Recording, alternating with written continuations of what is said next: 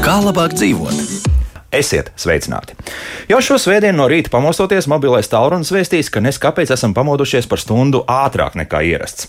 Nekas jau tāds nav noticis, jo telefons ir telefons, kas kārtīgi 4 no rīta ir pārgājis uz ziemas laiku, bet mēs, kā ir ar mums, kā ziemas un vasaras laika ietekmē mūsu miega kvalitāti, kā ir ar šīm mājasēdēm un mājasēdi, kas tūlīt arī sāksies, un vai miega zāles palīdz par to šodien raidījumā. Šeit studijā farmaceite Monta Zimerte, Monta sveicināti. Labrīt. Un attālināti esam sazinājušies ar ārsti psihiatri, bezmiega ārstēšanā, sevišķi specializējusies Natālija Bērziņa. Natālija, sveiki! Labrīt! Natālija, nu tad sāksim ar tām laika maiņām. Sprieda Eiropas Savienība, sprieda, sprieda, nosprieda, ka varbūt 2021. gads būs pēdējo reizi, kad mēs vispār mainīsim to laiku, neko nenosprieda, dzīvojam arī tālāk. Noteikti jau ir uzkrājusies kaut kāda pieredze, nu cik tomēr šīs stundas bīdīšana uz priekšu un atpakaļ ietekmē mūsu miega kvalitāti.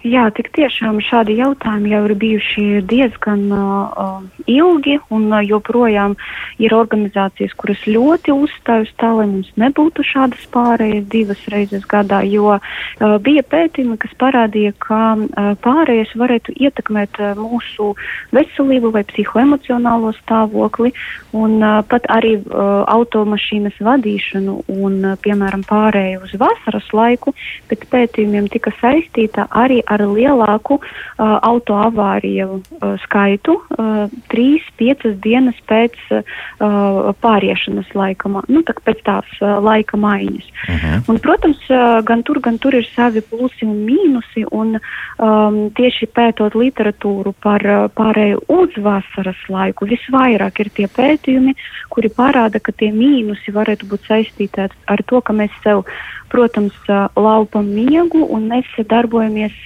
pretēji mūsu cirkadiāniem ritmiem, mūsu bioloģiskiem pulksteņiem. Tādēļ, ka mums ir ā, tumšāk, ā, tumšāks laiks no rīta un gaišāk, gaišāks laiks vakarā. Līdz ar to melatonīna izstrāde uh, ir traucēta un cilvēks var iedzīvoties miega deprivācijā, miega traucējumos, nu, bezmiegs tajā skaitā. Ir ā, arī, kā es teicu, autoavārijas, kas ir asociētas ar šādu pārēju, bet tomēr ir arī mm, savi plusi, ka, piemēram, fiziski cilvēki aktīvāki ir tās pārējas dēļ. Bet runājot par tā saucamo standarta laiku, jeb to, kas mums tagad būs, uh, tur literatūrā ir tāda asociācija ar to, ka sezonālās garastāvokļa svārstības varētu būt saistītas ar to standarta laiku. Ja? Mm. Bet, protams, uh, visur literatūrā nu, visvairāk ir pret tieši pārēju uz vasaras laiku. Uh, tas uh, tiek uh, joprojām ļoti aktīvi uh, diskutēts literatūrā. Uh -huh. Neskatoties uz to, ka mums pat tas vasaras laiks tieši vasarā ir krietni piemērotāks. Nu, vismaz mēs zinām, ka mums diezgan agri paliek gaišs, jā, sevišķi jau nu jūnijā un jūlijā un arī maijā. Nu, tad liekas, ka būtu diezgan loģiski, ka mēs arī ceļamies drusku ātrāk nekā tas ir mums pat paredzēts pēc laika joslas. Bet tomēr pētījumi rāda pretējo. Jā?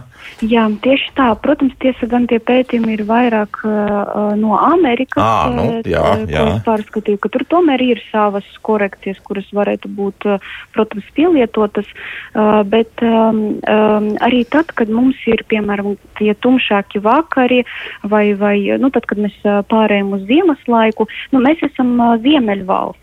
Teorētiski mūsu bioloģiskās uh, pulkstenes ir adaptētas Ziemeļvalstī. Mm -hmm. Mums nav mākslīgi sevi uh, nu, mēģina dabūt, uh, mums nav jāmēģina dabūt to gaišāko uh, teiksim, stundu, piemēram. Ja? Ka tur, protams, ir. Um, nu, tādas diskusijas par to.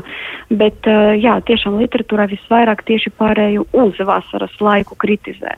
Mm -hmm. Bet uh, kas šobrīd notiks? Nu, tas nozīmē, ka mums tas garstāvoklis var uzlaboties, un izdosies labi izgulēties, vai tieši otrādi? Tur jau jūs teicāt, nu, ka nu, tā, tās garstāvokļa maiņas varētu būt. Jā, jā, jā. Nu, protams, tagad būs tumšāki laiki, neskatoties uz visām pulksteņu pagriešanām. Jā. Un, tas, protams, ir saistīts ar to, ka tieši sezonālās garastāvokļa svārstības būs.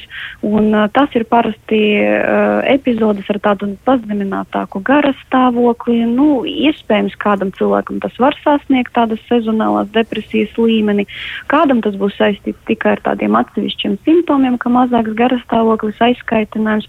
Bet noteikti tādēļ, ka mēs pusgadu esam vai, vai kaut kādu noteiktu laiku esam dzīvojuši pēc citām pēc cita režīma, un tagad mums atkal ir jāmaina tas režīms. Nu, nav svarīgi stundu mm -hmm. uz priekšu vai, vai atpakaļ. Mums tomēr ir, protams, mums tomēr ir pārmaiņas, un miegs ir ārkārtīgi trausla struktūra, runājot par tieši pārmaiņām stundu plus vai stundu mīnus. Līdz ar to var sagaidīt, ka nu, kaut kādas 5-7 dienas cilvēkiem būs grūtāk um, ar miegu iespējams būs uh, grūtāk aizmigt vai grūtāk pamosties no rīta laika maiņas dēļ, un tas, protams, ietekmēs viņu dienas uh, funkcionēšanu. Un tie cilvēki, kas, nu, teiksim, tā pēc dabas bioloģiski ir jūtīgāki uz uh, miega traucējumu attīstību, ka viņam varētu rasties arī tādas, nu, teiksim, akūtākas problēmas, kā, piemēram, tāds akūtāks bezmiegs.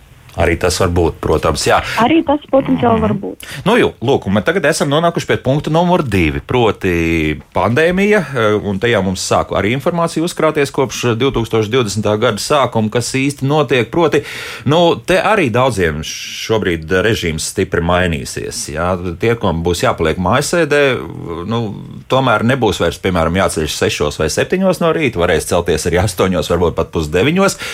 Kā tas viss jau ir, ir atstājis iespaidu un kā vēl tas atstās iespaidu? Natālija, stāstiet tagad, lūdzu. Jā, bez šaubām tur ir ļoti daudz dažādi apakšpunkti, kas ir jāņem vērā, runājot par to, kā tas ietekmē. Un, nu, laikam, pats tāds svarīgākais vai pirmais, ko piemin, uh, ir tieši satraukums, uh, trauksme, bāžas, bailes, neziņa par to, kas būs, kad būs, kas notiks, ko mēs tālāk darīsim vai kā norisināsies situācija. Un, protams, šādi distresa apstākļi rada priekšnosacījumus tam, ka cilvēkiem, kam jau ir tāda noslieta uz depresivitāti vai citām psihiskām saslimšanām, ka viņu psihoemocionālais stāvoklis varētu pasliktināties. Bet arī cilvēkiem, kam tā kā anamnēzē vai dzīves laikā nav bijušas psihiskas saslimšanas, tas bez šaubām rada um, stresu, rada pārdzīvojumu, trauksmainību un var radīt arī adaptācijas traucējumus. Otra lieta, kas šajā aspektā ir svarīga, uh, ir tas, ka mums tiešām, kā jūs arī minējāt, mainās režīms. Cilvēkiem vai nu darbs notiek attālināti, vai nu, uh, diemžēl, uh, kāds cilvēks arī tiek atlaists. Un, uh, tas rada, protams, gan emocionālās grūtības, bet, bet arī režīma ziņā. Nu, nav mums jāceļās un jāskrien, piemēram, uz astoņiem uz darbu, un, ja mēs strādājam attālināti, cilvēki domā, ka var piecelties bišku vēlāk, no ko tur es tur no mājas strādāju, man nevajag tur saposties un tā. Un tad uh, sākas uh, režīma pārkāpumi, kuri ir, uh, nu, piemēram, bijuši tādi stabilizēti kādu laiku pirms tam. Kā arī nav, nu, tagad mājasēde būs mazāk jāiet ārā no mājām, arī sociālie kontakti dzīvē varētu samazināties. Un tas rada tādu, nu, sava veida nelielu haotiskumu, kā arī parastie stimuli, kas mums norādīja dienas gaitu un ļāva mūsu smadzenēm orientēties, nu, ka, piemēram, tagad es ceļos, tad ir darbs, pirms darba es vēl vedu bērnu uz bērnu dārzu, tad ir tas, tā struktūra, režīms, ēdienreize, pusdienu laiks, tad es atnāku atpakaļ mājās, bet tad, kad ir tā mājas sēde, tas viss tās visas robežas tā ļoti, ļoti paliek blāvinātas, un cilvēks sāk ne, eh, savu režīmu neievērot. Vēl pa starpam, paguļot dienas laikā, ja ļoti gribās, mm -hmm. paguļot kādu stundu vai divas, nu, ja ir tāda iespēja. Un, protams, tas eh, tie visi ir priekšnosacījumi tam, ka mums attīstās uh, miega traucējumi. Lai cik paradoxāli jo... tas nebūtu, jā, jo liekas, nu, drusku relaksētāka situācija pēc būtības. Jā, jau tālāk jāiet, nu, viss kārtībā, sēžam mājās, labi izguļamies, pieceļamies un viss kārtībā. Jā, jā, jā, jā. jā. Tieši tā, jo, piemēram, guļot dienas laikā vai, vai pārkāpjot savu režīmu un atļaujot gulēt ilgāk sev no rīta, kas agrāk nav bijis, mēs laupam sev miega spiedienu. Ir tāds viens homeostātiskais mehānisms, kas regulē miegu, ir miega spiediens. Kad mēs pamostamies, mēs pēc būtības sākam krāt miegu līdz vakaram. Līdz ar to, ja mēs pamostamies vēlāk vai paguļam dienas laikā, mēs sev to miega spiedienu samazinam. Līdz ar to uh, tas moments, kad melatonīns sāks izstrādāties, miega spiediens varētu nebūt tik liels, kāds viņš bija pirms tam, un tas radīs grūtības aizmigt. Un tas ir apburtais lokus. Mm -hmm. Cilvēkam ir grūtāk aizmigt, viņš slikti gulējas, man uz darbu nav ātri jāskrien, es varu pagulēt, un tā tas turpinās, līdz cilvēks ar savu uzvedību, um, nu, teiksim, kā transformē akūtāku bezmiegu par hronisku lietu, un tad sākas negulēšanas pāris mēnešus un, un tā tālāk, un zāļu nepamatota lietošana, piemēram. Nu, līdz tam mēs tūlīt arī nonāksim, jā, bet jā. Natālija, vēl arī, ko nozīmē tāda neizgulēšanās, ko mēs uzskatīsim par tādu jau stāvokli? Tas ir stundu kaut kāds skaits, vai mēs arī jau ejam dziļāk, un varbūt tas ir tas dziļais miegs, un, un, un tālāk arī visas tās gradācijas, kādas ir.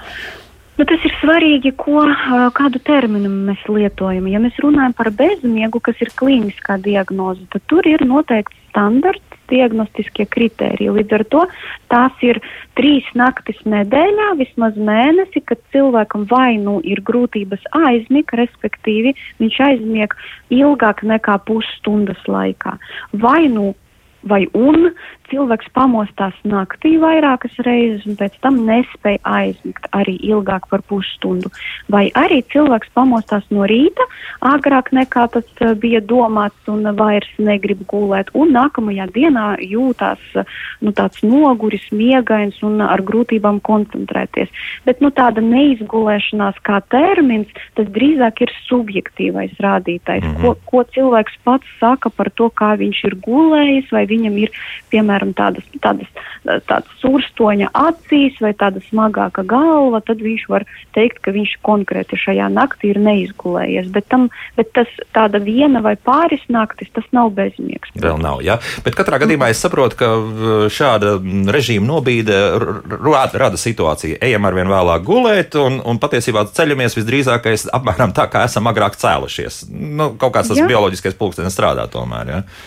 Jā, jā bet, nu, protams, strādā, bet, bet, ja mēs to režīmu pārkāpjam, tad ir tās nobīdes, kas pēc tam mums uh, nospēlē slik, uh, sliktāku tādu lomu. Uh mhm. -huh. Un uh, arī tas ir saistīts ar garastāvokļa pārmaiņām. Ir ļoti daudz pētījumi, kuri pierādīja, ka cilvēkam pēc uh, sliktāk gulētās uh, naktis, nu, vai, piemēram, esot bezmiegam jau ilgstoši, tiek ietekmēts arī garastāvoklis. Mēs redzam to negatīvāko, mēs esam aizkaitināti, tas vēl vairāk mums uh, rada tādu nervu sistēmas uzbudinājumu. Vakarā ar vien vairāk cilvēkam sāk radīties bāžas, vai es aizmigšu un kas tālāk būs tajā naktī. Tas vēl vairāk rada tādu hyperarousal, jeb overstimulāciju uh, galvas smadzenēs, kas vēl vairāk attālina mūsu sekmīgāku miegu. Mm -hmm, Tātad smadzenes pastiprināt darbojas. Jā, tad, jā, jā? Tā. Mm -hmm. jā, jā. jā. Tagad paklausīsimies kādu klausītāju, kas vēlas mums aprunāties, un pēc tam arī ķersimies pie zālēm klāt. Jā, lūdzu, jūs varat jautāt. Labdien! Labdien. Kā jums šķiet, agrākos laikos, kad nebija modinātāju, e, bija taču dabas ritmi, e, nu tagad sakam bioloģiskie ritmi, kad četros no rīta palika gaišs vasarā. Viss puķītēm ziedlapiņas atverās, arī cilvēki agrāk loģiski mostas, putni agrāk mostas.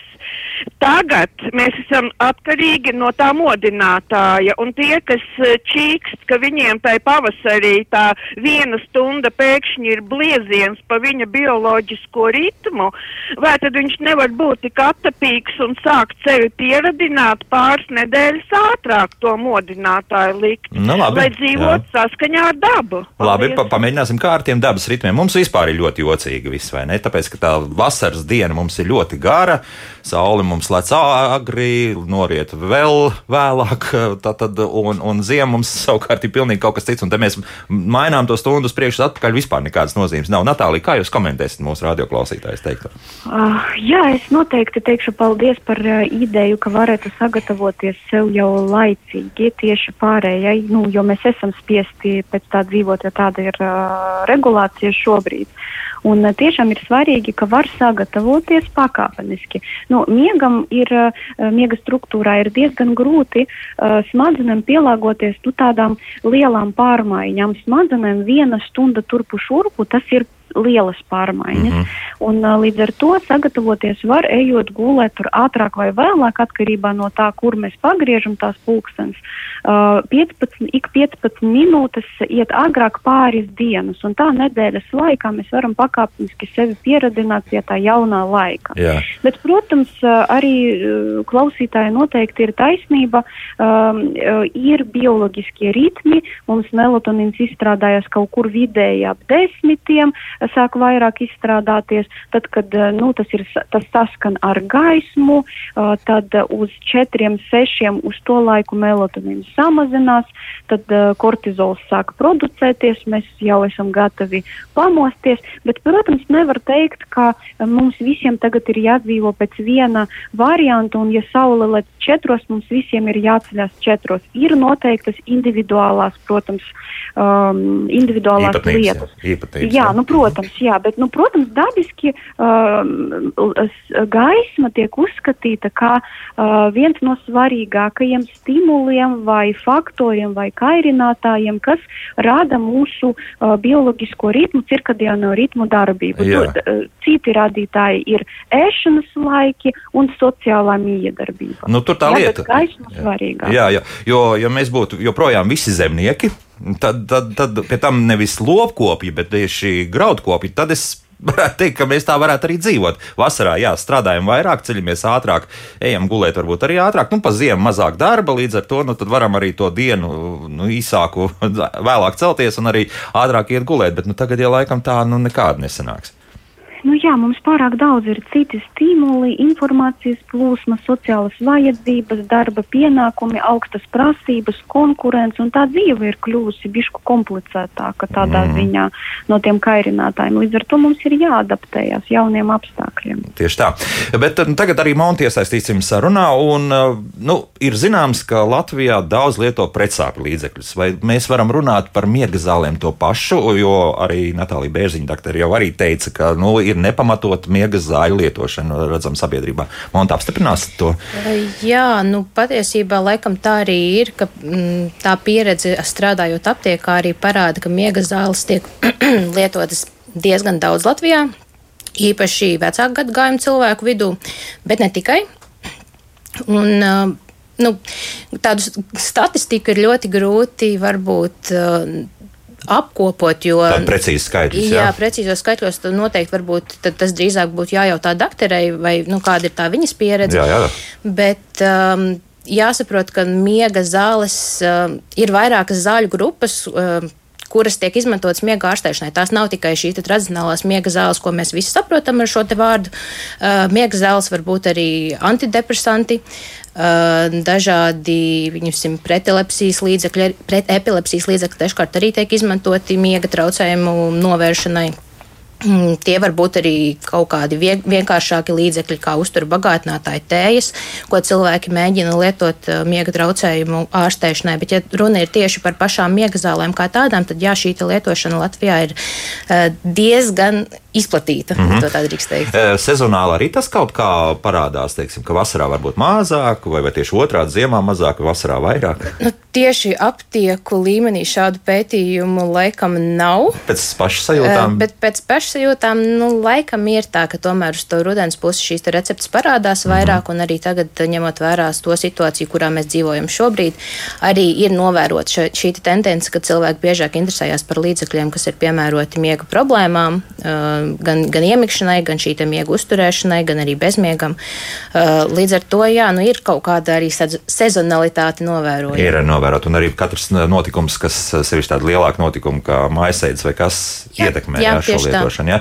Natālija, jums nākas cīnīties arī ar saviem pacientiem par šādu nu, prasību, ka nu, tagad man vajag obligāti šīs miega zāles, vai tomēr mēģinām citādi kaut kā tikt galā. Jā, tieši jā. es atbildēšu apstiprinoši, mm -hmm. jo Protams, iedzert tabletīti un gulēt ir vieglāk nekā pielāgot un mainīt savu režīmu. Un, tā kā es strādāju bezmiega, ar bezmiegu, miega slimību centrā, tad, protams, nāk cilvēki, kas gadiem lietojuši medikamentus miegam.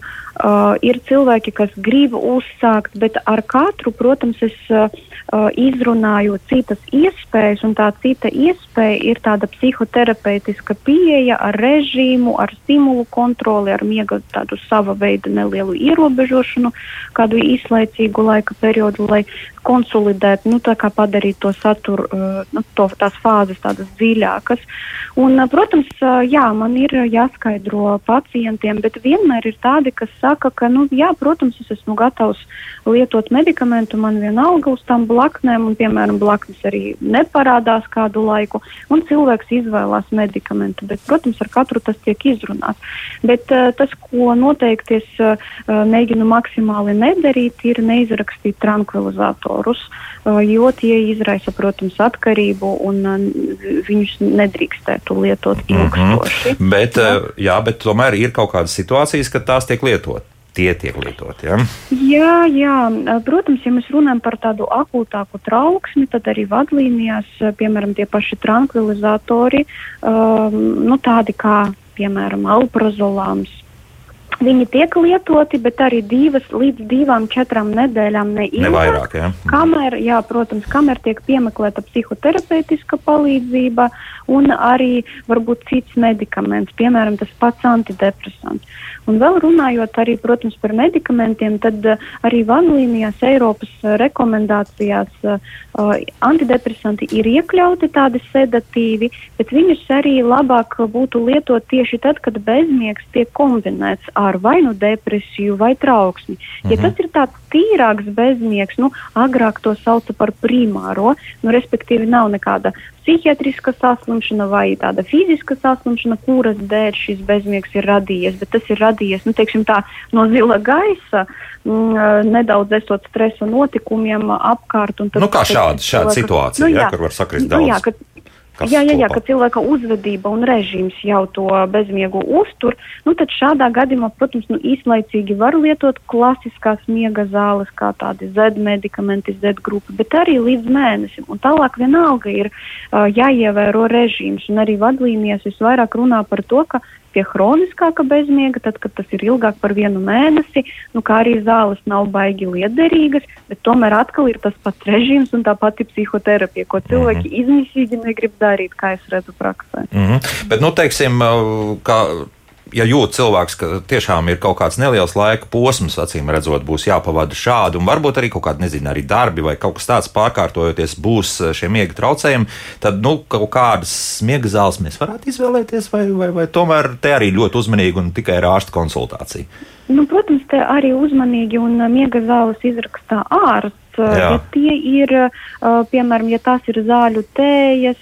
vai kaut kādas tādas bezrecepšu kaut kādi līdzekļi, tad var īslaicīgi pamēģināt, ja tas derēs un dos tādu višku lielāku mieru, nu tad, protams, nekas tāds baigi slikts īslaicīgi no tā ne, no, nebūs, ja? bet ja mēs tā runājam ļoti klasiski, mhm. -huh. tad arī literatūrā piemin to, ka pēc būtības pat arī tāds akūtāks bezmiegs var pāriet pats no sevis. E, cilvēki padara to par lielu problēmu, jo ļoti, ļoti fokusējās uz to un rodās trauksme, kas atbilstoši palaiž, kā es teicu, jau to apburto loku. Jā. Līdz ar to, nu, atbildot uz jūsu jautājumu, īslaicīgi var lietot miega līdzekļus, protams, recepšu zāles konsultācijas, eh, pēc konsultācijas eh, ar ārstu un īslaicīgi līdz mēnesim. Nu, parasti pietiek, ja tas ir tāds nu, akūtāks stress vai kaut kāds tur pārdzīvojums vai grūtības adaptēties situācijai, tad kāda viena, divas nedēļas miega līdzekli var lietot un tad, tad pēc tam var mēģināt atteikties mm no mhm. tā, lai neiebrauktu lielākās problēmas. Un lielākas problēmas būtu?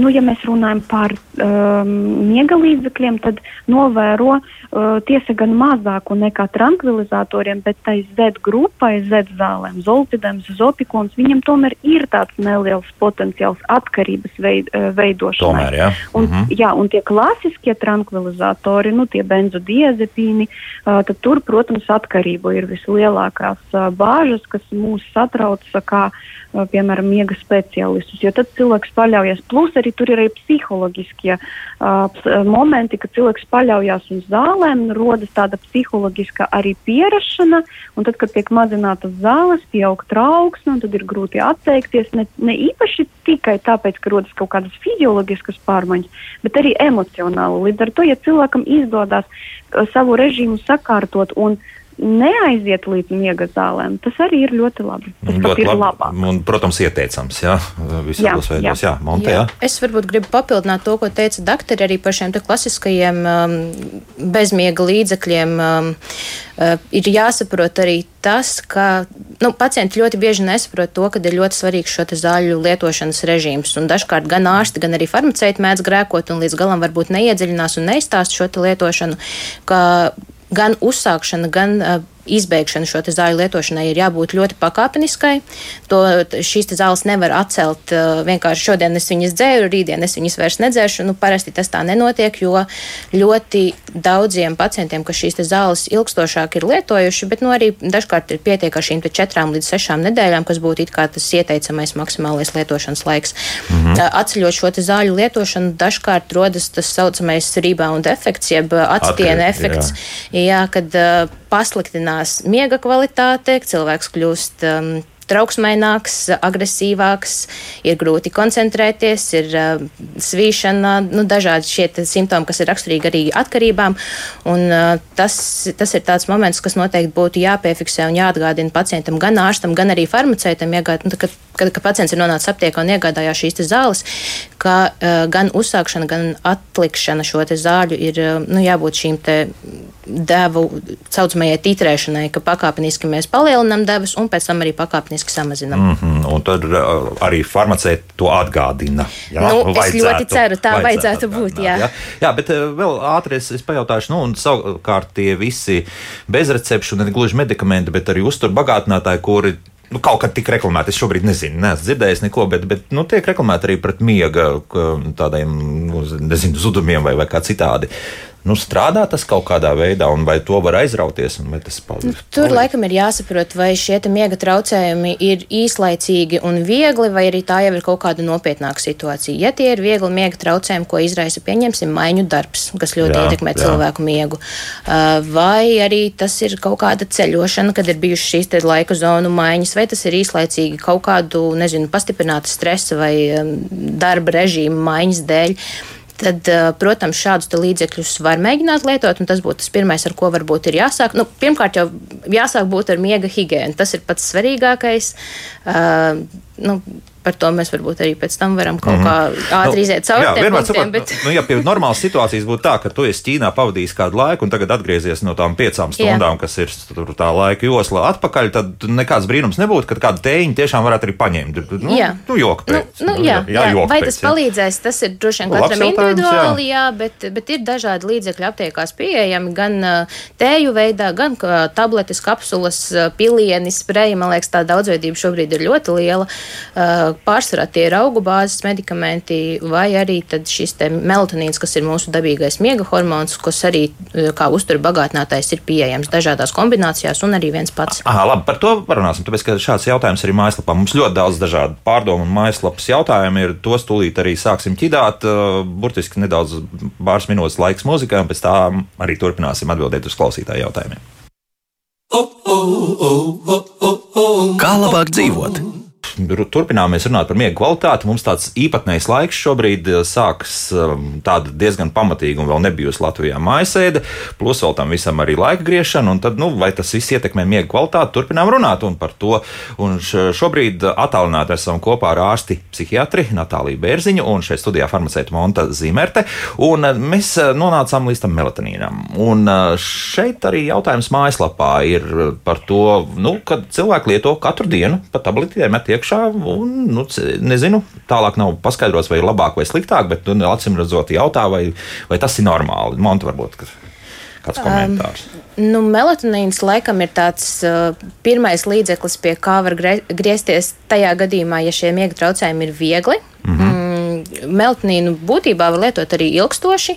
Uh, nekas uh, ārkārtīgi slikts no tā organismam nebūs, un uh, nekādi teiksim, uh, negatīvi efekti nevajadzētu būt, ja vien šīs devas nav pārlieku, pārlieku lielas. Jā. Bet uh, visi tie uztura bagātinātāji, kas bez receptes ir nopērkami aptiekās, uh, viņos visos šīs devas ir.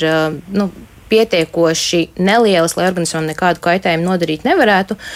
Lietot var arī ilgstoši. Ir pētījumi, ka melatonīns uzlabo šo te, um, pātrina iemikšanu.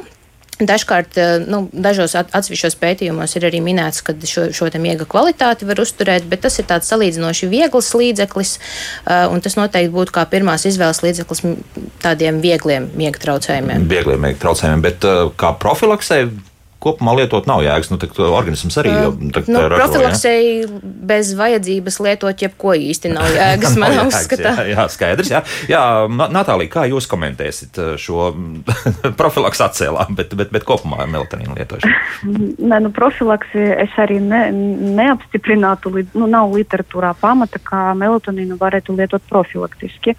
Uh, tas, ko min gan literatūrā, kādos gadījumos uh, melatonīnu varētu lietot, tas ir tāds nu, tāds uh, akūtāks uh, bezmiegs gados vecākiem pacientiem pēc 55 gadu vecuma. Tas ir diezgan loģiski, zinot, ka melatonina līmenis ar vecumu samazinās. Līdz ar to tas varētu palīdzēt iemigt. Tik tiešām saīsināt uh, iemikšanas fāzi, uh, vēl džetlagiem, jeb ceļošanas uh, bezmiegam, mm -hmm. un tad, kad ir novēlota aizmigšanas fāze. Šādos gadījumos melatonins varētu palīdzēt.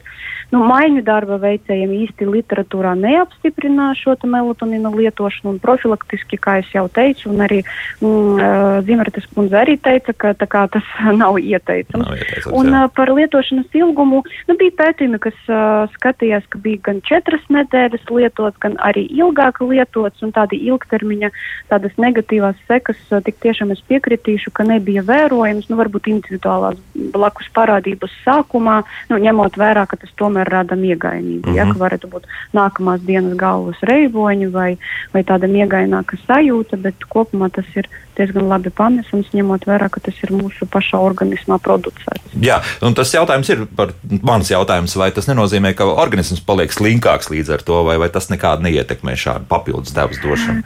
Jā, tas ir interesants jautājums. Diezgan bieži izskan, bet studējot literatūru, es neatradu pamatojumus. Literatūrā tieši zinātniskā nosaka to, ka nebija novērojams endogēna melatonīna sintēzes samazinājums pēc eksogēna, jeb no ārpus uzņemtā melatonīna lietošanas. Nu, jā, tik tālu ir labi. Jā. Paklausīsimies arī vēl kādu klausītāju. Lūdzu, jūs varat jautāt? Halo! Uh, labdien! labdien. Uh, esmu pārkāpusi jau pāri 80 gadu robežai. Un pietiekoši ilgi, kaut kur vairāk par gadu, uh, lietoju uz nakti pustabletīti lehotanīlu, jo citādāk nav iespējams aizmigt. Uh, katrs mazākais uztraukums rada nemieru, un, protams, uh, paaugstinātais asinsspiediens uh, ceļas līdz ar to. Nu, tad faktiski priekš manis šis lehotanīls ir tā kā zināmā mērā pat arī spiedienu bremzētājs. Mm -hmm. uh, ko jūs sacīt par manu situāciju? Jā, labi, paldies. paldies. Jā. Natālija, laikam. jā, jā, jā. Nu, ja šajā gadījumā, nu, varbūt satraukums par to, ka tas varētu radīt atkarību, ir tāds mazāks. Mm -hmm. uh, un, un, nu, tas, protams, ir um, tālāk jau ārstējušā ārsta izvēle, bet ka, par ko gan vajadzētu uh, piedomāt un uzmanīties, ka uh, šim medikamentam, jo tas ir tranquilizators, benzodiazepins, ka uh, viņš varētu radīt, nu, kā jau teicu, to spiedienu samazina, bet viņš var radīt arī ortostātisko hipotenziju, respektīvi mainot ķermeņa pozu vai straujāk pieceļoties, Jā. var sarēpt galva, var nokrist, nu, un atbilstoši tur ir dažādi riski lūzumiem. Līdz ar to tad uh, var piedomāt pie tā, ka, nu, celties justies uzmanīgāk un, un tiešām vērot pašsajūtu. Kaut gan dzirdējāt, ka kundzei tieši palīdz asinsspiediena regulācija. Jā, jā, jā, nu, lai tas pēc mm. tam nav tā kā, uh, uh, teiksim, lai tas nemiedarbojās ar spiedienu pazeminošām zālēm un nav uh, zemāks spiediens mm -hmm. nekā vajag. Nu, tā kā, uh, principā, uh, uzmanīgi monitorējot uh, pacienta stāvokli no 80 aiz 80 gadu vecuma par, par atkarību es satrauktos mazāk. Mm -hmm. Man lūgums radioklausītājiem varbūt neminiet uh, tieši šos mm, zāļu nosaukumus, jo nu, nav tas mums atļauts. Tad, lai mēs tomēr varam tā, jā, runājam par miega zālēm, varbūt arī par kaut kādām konkrētām grupām, bet, bet ne par konkrētiem no, miega zāļu nosaukumiem. Uh, vēl es ko gribēju arī tādā gadījumā jautāt, uh, šī zāļu miedarbība. Jā. Zaļmiedarbība, Monta, jā. Jā, tas šeit, šai te benzodiazepīnu grupai un arī zēzālēm, kas abas divas tiek izmantotas miega traucējumu ārstēšanai, patiesībā ir diezgan daudz miedarbību. Uh, ir jābūt uzmanīgam ar šo zāļu lietošanu. Nekādā gadījumā nedrīkst lietot kopā ar alkoholu, jo mm -hmm. viņi, nu, šīs zāles un alkohols arī miedarbojās un var būt uh, gan izteiktas blakus parādības, gan arī uh, pārdozēšanas gadījumā potenciāli letāls iznākums. Līdz ar to ir jābūt ļoti uzmanīgam ar šīm devām, ar alkohola lietošanu. Uh, šīm zālēm mēdz būt uh, miedarbības arī ar um, depresijas medikamentiem. Līdz ar to arī ārstam noteikti būtu uh, jāzina visas medikamenti, ko jūs lietojat, lai varētu šīs devas un medikamentus salāgot savā starpā. Mm, nu, jā, nu, jebkurā gadījumā izrakstot šīs zāles, jo visas šīs miega nu, klasiskās miega, klasiskie miega līdzekļi visi ir stingrās uzskaitas medikamenti. Jā. Līdz ar to nu, ir pamatojums, kāpēc viņi ir stingri kontrolēti. Uh, Laikam ir tomēr. Jā, jā. un līdz ar to tad, nu, vienmēr būtu jākonsultējās uh, ar savu ārstu par visiem medikamentiem, kas tiek lietoti, lai nav tā, ka kaut kas aizmirstās, un būtībā arī ar uztura bagātinātājiem, jo ir atsevišķi augi, piemēram, kas uh, ietekmē dažādus šos te organisma enzīmus, kas tādā gadījumā var palielināt vai samazināt konkrētu medikamentu devas organismā, līdz ar to tas arī var izraisīt dažādas bīstamas situācijas. Nu, gan ārstam, gan farmaceitam farmaceitam būtu jābūt lietas kursā par visiem medikamentiem, ko cilvēks lieto pirms šo zāļu mm. izrakstīšanas vai izsniegšanas. Un šai grupā arī greifrūts strādā tieši tāpat. Greifrūts, asinszāle un citi, jā, jā eh, nu, tas saraksts ir diezgan plašs. Jā. Jā. Mm -hmm. nu, paklausīsimies vēl vienu klausītāju. Lūdzu, jūs varat jautāt. Halo! Halo. Labrīt! Labrīt. Es esmu diezgan lielos gados, bet es ilgus, ilgu laiku strādāju bērnu dārzā. Tad tie cilvēki, kas regulē šo laiku uz priekšu un atpakaļ, lai viņi pastrādā kaut vienu gadu mazā grupiņā. Viņi visi tie bērniņi pusmēnesi pēc laika pārbīdz uz vasaras laiku, nāk grupiņā raudādami. Kā jūs domājat, vai tas tiešām neatstāja nekādu iespaidu uz viņu nervu sistēmu, tad uh -huh. viņi būs pieauguši. Jā, labi, paldies. Natālija, komentēsit, jo man arī šeit jautājums mājaslapā ir šeit gan vairāk vēl tāds vēl specifiskāks ir tas, ka nu, bērni arī tiek vizināti līdz uz patāliem ceļojumiem, kur tiešām ir šī krietno stundu atšķirība no Latvijas laika. Nu, un arī tur tiek jautāts, nu, kā tad pieradināt, bet nu, šeit mēs redzam, ka vasaras laiks bērniem laikam īpaši nepatīk tā pārēj drīzākais. Jā. Mm -hmm. uh, jā, arī runājot par to, kādas uh, cilvēku grupas ir uh, vairāk, uh, nu, teiksim tā.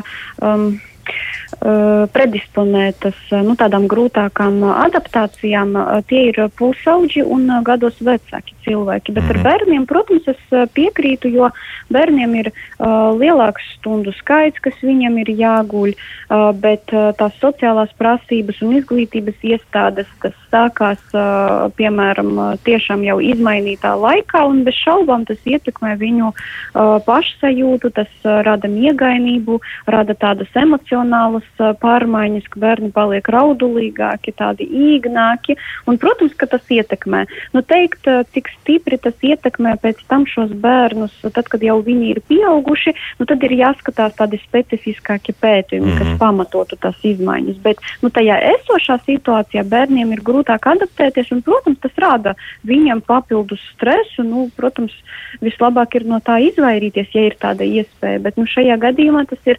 rekomendācijās noteikti tikai tas, ka pakāpeniski sagatavot bērnu pārējai, liekot viņu gulēt nu, kādas 15 minūtes, nu, vai agrāk vai vēlāk, no atkarībā no tā, kur pāriet. Arī tad jau būs tāds rezultāts, jā? Tur jau jā, jo jā. iesaka ne uh -huh. tikai pieaugušajiem, bet arī bērniem nedaudz to pakāpeniski darīt, protams, nu, ka, ka paši pieaugušie iet, piemēram, agrāk, un arī bērni, kad, kad bērnus arī piemin, protams. Savukārt, ja mēs bērnu tagad ieliekam lidmašīnā un aizvedam uz, pieņemsim, Amerikas Savienotām valstīm, tad ko tad būtu vislabākais darīt, lai skaidrs, ka pieaugušais nu, aizies, izturēs līdz vakaram Ņujorkā, pieņemsim, un aizies vakarā viņa pēc Ņujorkas laika gulēt, bet kā būs ar bērniem?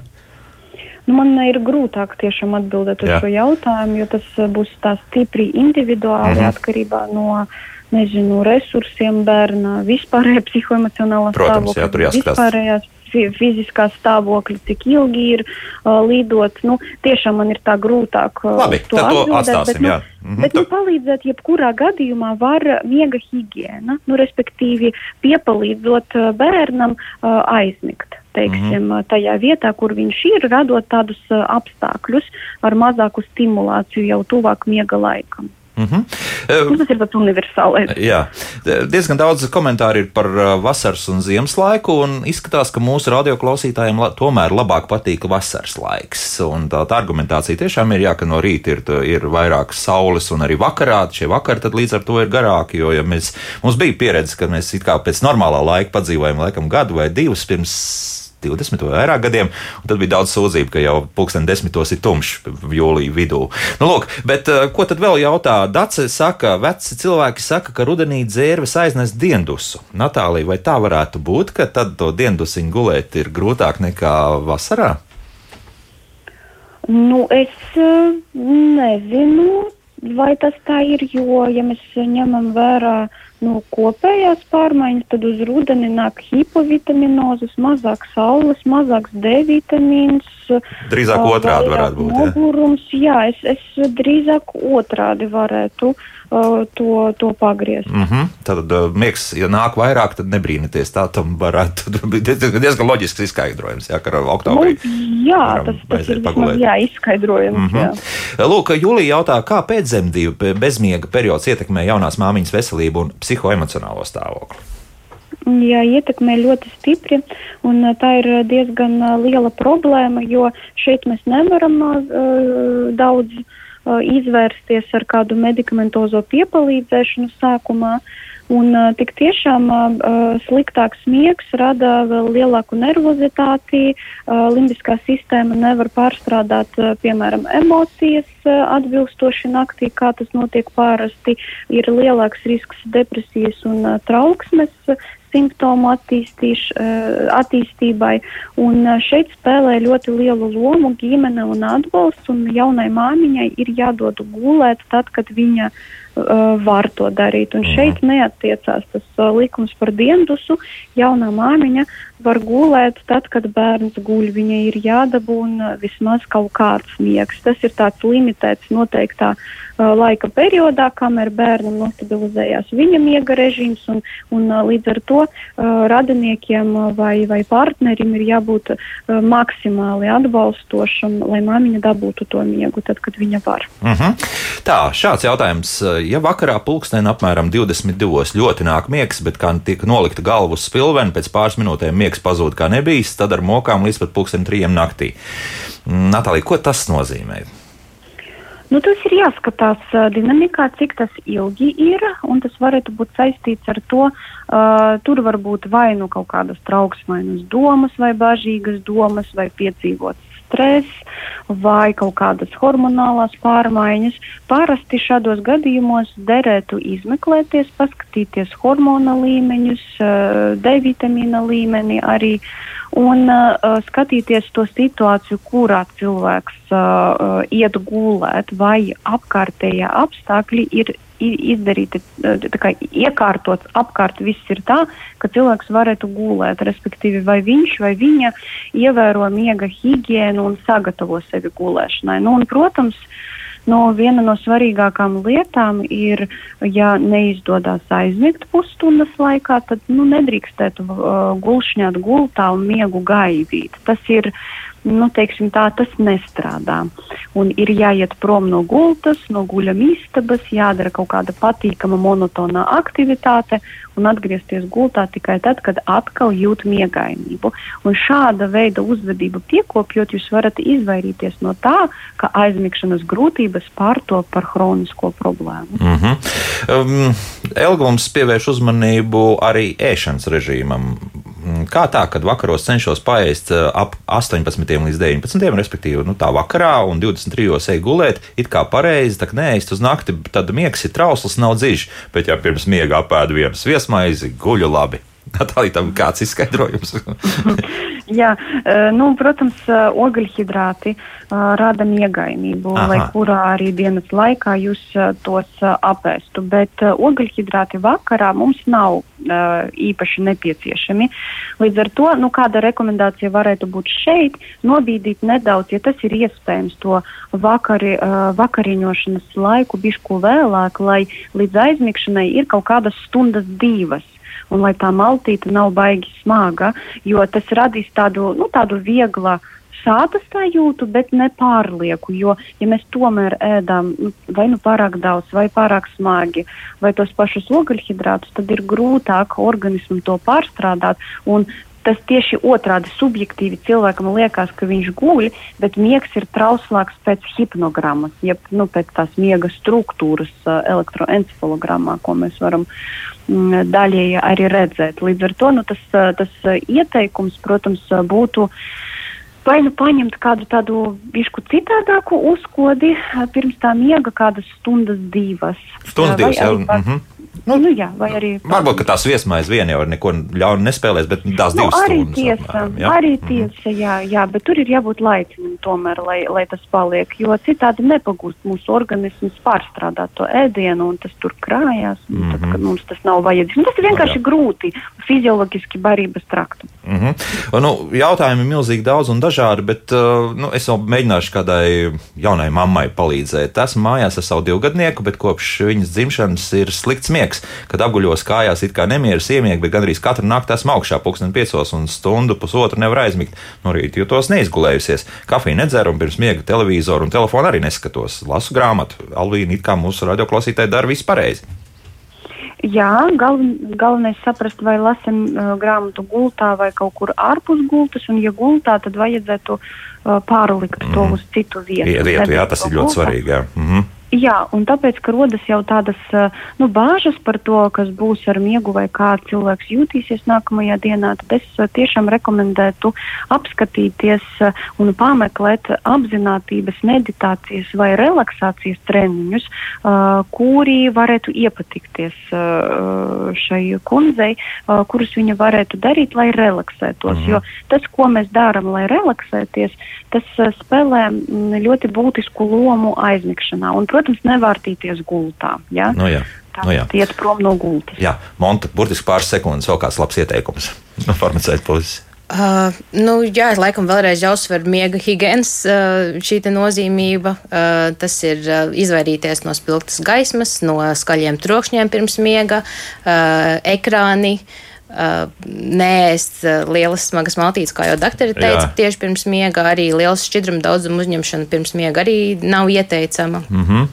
Nu, Fiziskās aktivitātes. Fiziskās aktivitātes arī. ikdienā, bet ne pirms miega. Nu, jā. Uh, un jā, mēģināt uh, gultu atstāt miegam un uh, seksuālajai dzīvei un visu pārējo censties darīt citās Erotisku vietās. literatūru lasām tomēr kaut kur citur. Kaut kur citur, jā. Lūk tā.